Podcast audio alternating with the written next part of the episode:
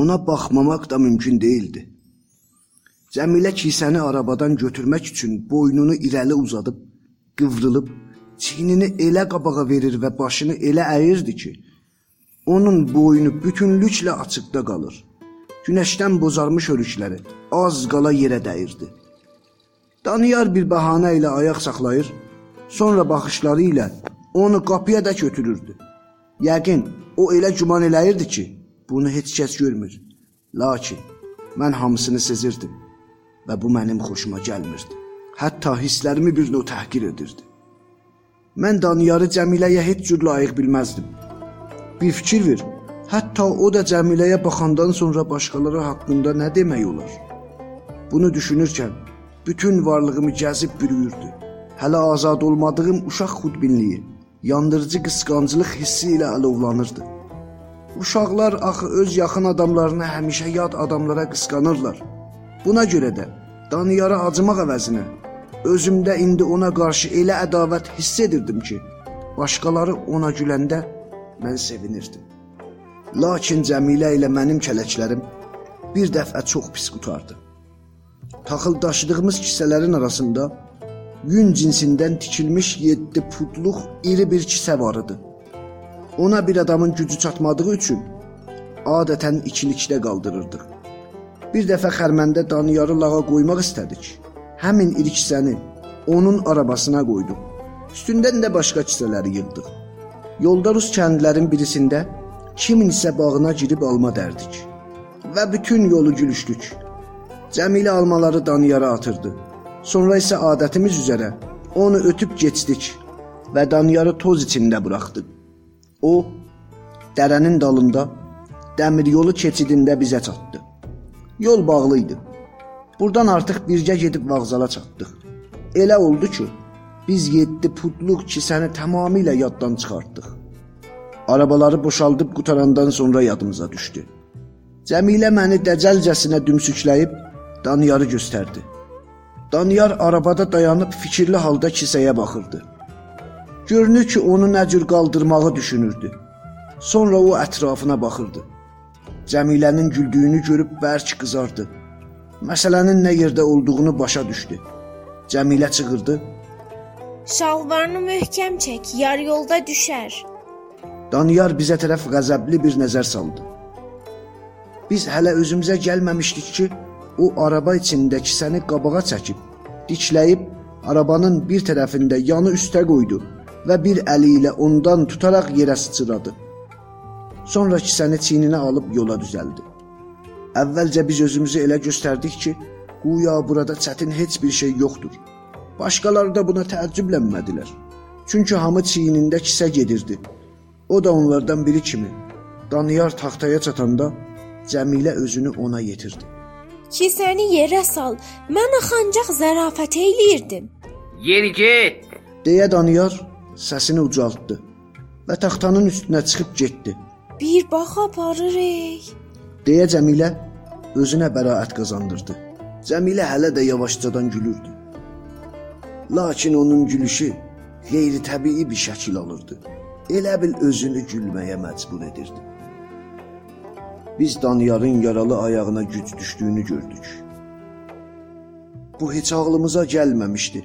Hələ indiyədək bu axmaq zərafət üçün özümü bağışlaya bilmirəm. Axı bu zərafəti mən səhv düşünmüşdüm. Geri qayıt. deyə Cəmilə güclə gülümsəyərək çığırdı.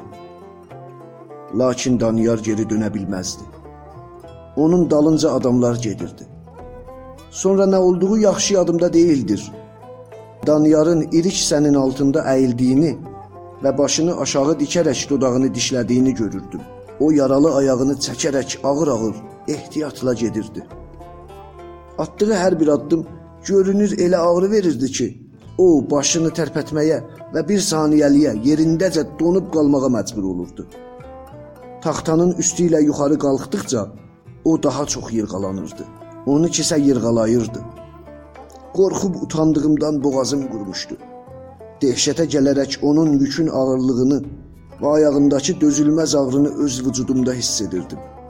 Budur o yırğalandı, başını hərlədi, gözlərimə qaranlıq çökdü. Özümə gələndə kimsə əlimi elə sıxdı ki, sümüklərim şıqqıldadı. Mən Cəmiləni birdən-birə tanımadım. Onun geniş açılmış gözləri bərəlmiş, dodaqları isə yenicə gülüb qutardığı üçün hələ də əsirdi. İndi təkcə biz deyil, hamı qəbul edici də taxtanın aşağısına yürüyüb gəldi. Daniyar iki addım da atıb kürəyindəki kisəni düzəltmək istəyirdi ki, yavaş-yavaş diz üstə çökməyə başladı. Cəmilə üzünü əlləri ilə örtdü. Bax, tulla kisəni çığırdı.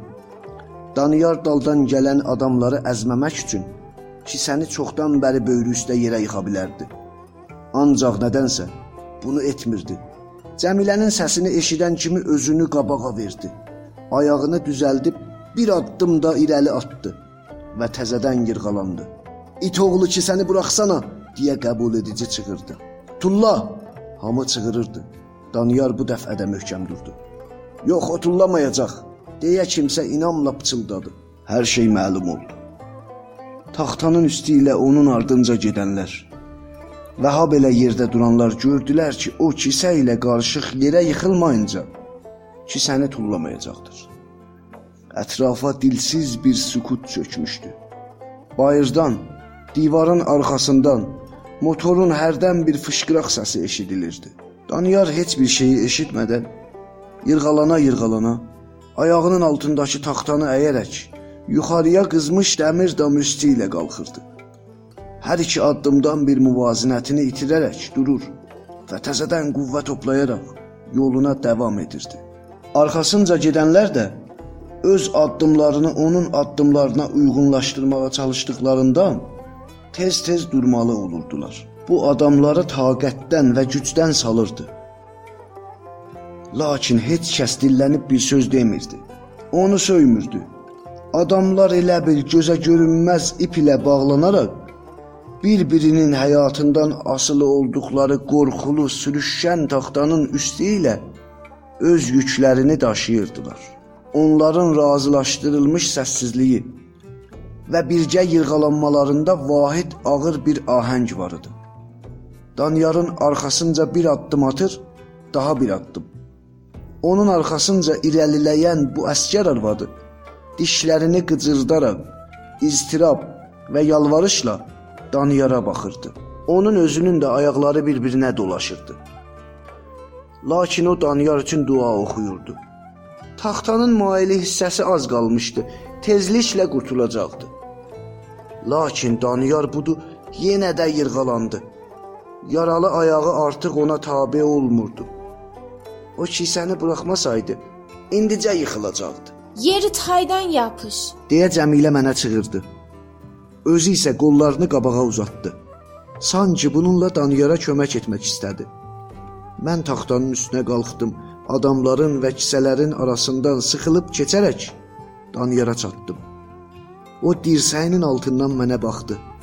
Qaralmış tərli alnının damarları çıxmışdı. Qan dolmuş gözləri qəzəblə mənə zilləndi. Mən kisədən yapışmaq istədim. Get deyə Daniyar xırıltılı, qəzəbli səslə çığırdı və yoluna davam etdi. Daniyar ağır nəfəs alaraq axsaya-axsaya aşağı düşəndə onun qolları yanına düşmüşdü. Hamı dinməz, söyləməz aralanıb ona yol verdi. Qəbul edici isə özünü saxlaya bilməyib çığırdı: "Cavan oğlan, sən axmaqsan, nəsən? Mən məgər bəşər deyiləm. Sənin buğdanı aşağı boşaltmağına icazə verməzdim. Bu ağırlıqda kisələri niyə daşıyırsan?" O mənim öz işimdir deyə Daniyar yavaşcadan cavab verdi. O tüpürüb arabaya tərəf getdi. Biz gözümüzü qaldırıb baxmağa da cəsarət etmirdik. Daniyarın axmaq zərafətimizdən, belə ürəkdən inciməsindən həm xəcalət çəkir, həm də ona acığımız tuturdu. Bütün gecəni dinməz, söyləməz yol getdik. Daniyardan ötürü bu addi bir şeydi. Buna görə də biz başa düşmürdük ki, o bizdən incimişdir ya da bu hadisəni yaddan çıxarmışdır. Lakin bizim üçün ağır idi. Vicdan əzabı çəkirdik. Səhəri dəyirmanda arabaları yüklərkən Cəmilə o başı bəlalı kisəni götürüb ayağının altına qoydu və şappaladı. Al, özünə qismət olsun. deyə o parçalanmış kisəni təəccüblənmiş qapançı qadının ayaqlarına tərəf tulladı.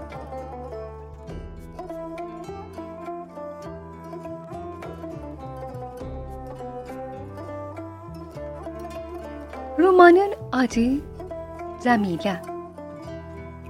Yazar Tengiz Aytmatov. Çeviren Gılman Musayev.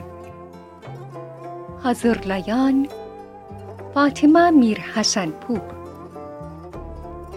Bu bölümde seslendirdiler. Rabi Cabir Purbagir Cəmilə Fatıma Nəcəfzadə Danyar Yaşar Nəgizadə Düzenleyen Saccad Müslimi Her zamanki çimin bizimle olun, bakışlarınızı bize tattırın. Bizim ahağımızın adresi Dastanca. D A S T A N C A